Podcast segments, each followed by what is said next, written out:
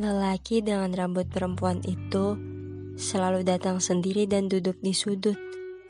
Kalau ada alasan kenapa ayah tak mau menutup kedai kopi sepi ini, salah satunya karena dia. Sudah lelah sekali rasanya berdebat dengan ayah.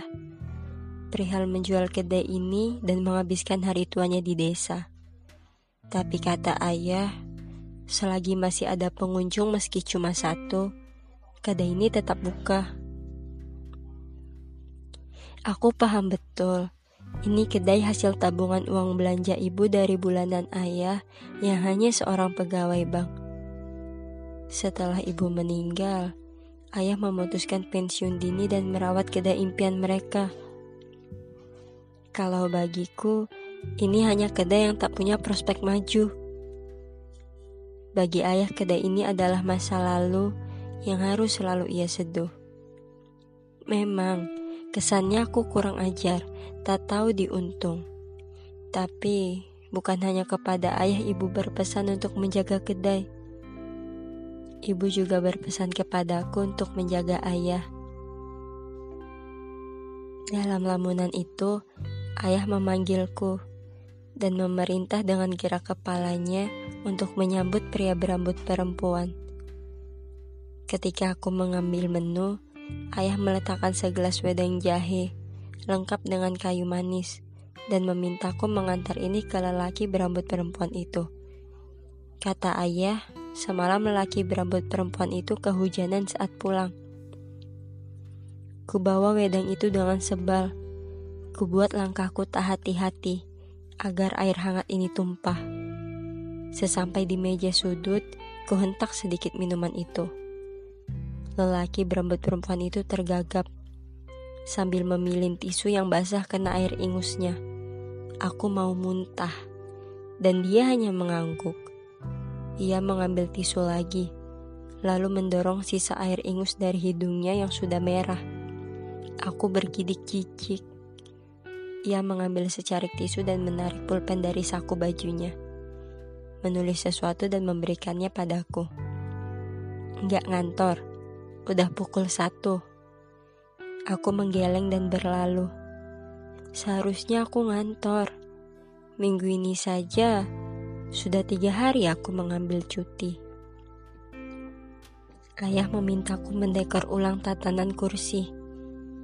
Sebab selain lelaki berambut perempuan itu, akan ada satu pelanggan lain. Kata ayah namanya Centini, anak magang di perusahaan iklan. Kantornya tak jauh dari tempat kerjaku. Sebentar lagi dia akan datang, duduk sembarang dan membaca buku bersampul merah. Entah itu buku kwitansi atau apa, tapi jelas buku itu seperti coret-coret latihan menulis resep dokter yang membuat mataku sakit. Terdengar aneh memang, tapi apalagi yang bisa aku lakukan?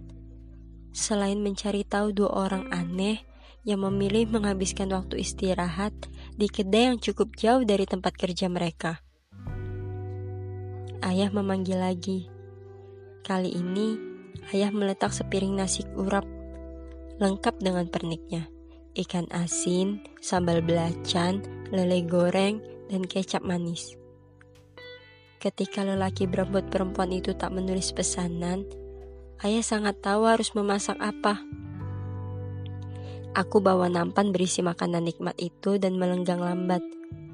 Sambil melangkah, kuhirup aroma urap yang entah bagaimana membuatku teringat pada tangan ibu. Tangan yang dipenuhi sisa urap yang luput dari mulutku ketika disuap ibu. Kuhirup lagi aroma ikan asin. Teringat ayah menyaut mengejakku manja ketika tengah memasang pelang nama kafe. Pada pelang itu tertulis, pulang. Ibu yang memberi nama. Ayah setuju. Aku tak tahu maksudnya apa. Atau sebenarnya tak mau tahu. Wajarlah, dulu aku masih SMA. Terlalu banyak hal remeh yang harus kuprioritaskan. Membuat orang tua senang hanya prioritas nomor seratus sekian. Dulu dan aku menyesal sekarang. Tak sadar, air mataku menetes kecocolan sambal ketika sampai di meja lelaki berambut perempuan itu. Kusapu air mataku dan sesibuk meletak makanan penuh kenangan itu ke mejanya. Lelaki berambut perempuan itu memantung, antara bingung atau bagaimana. Tapi aku malu dan kabur saja. Tak lama aku menyesali kekurang ajaranku. Centini datang. Aku dipanggil ayah ketika mengambil menu dan mengantarnya ke meja Centini yang duduk berseberangan dengan lelaki berambut perempuan itu. Aku berjalan lurus tanpa menoleh. Malu sekali rasanya. Tapi, sial, ekor mataku bergerak sendiri ke seberang dan menemukan lelaki berambut perempuan itu lahap mengunyah urap yang disusupi asin air mataku. Aku bertolak pinggang dan mendumel.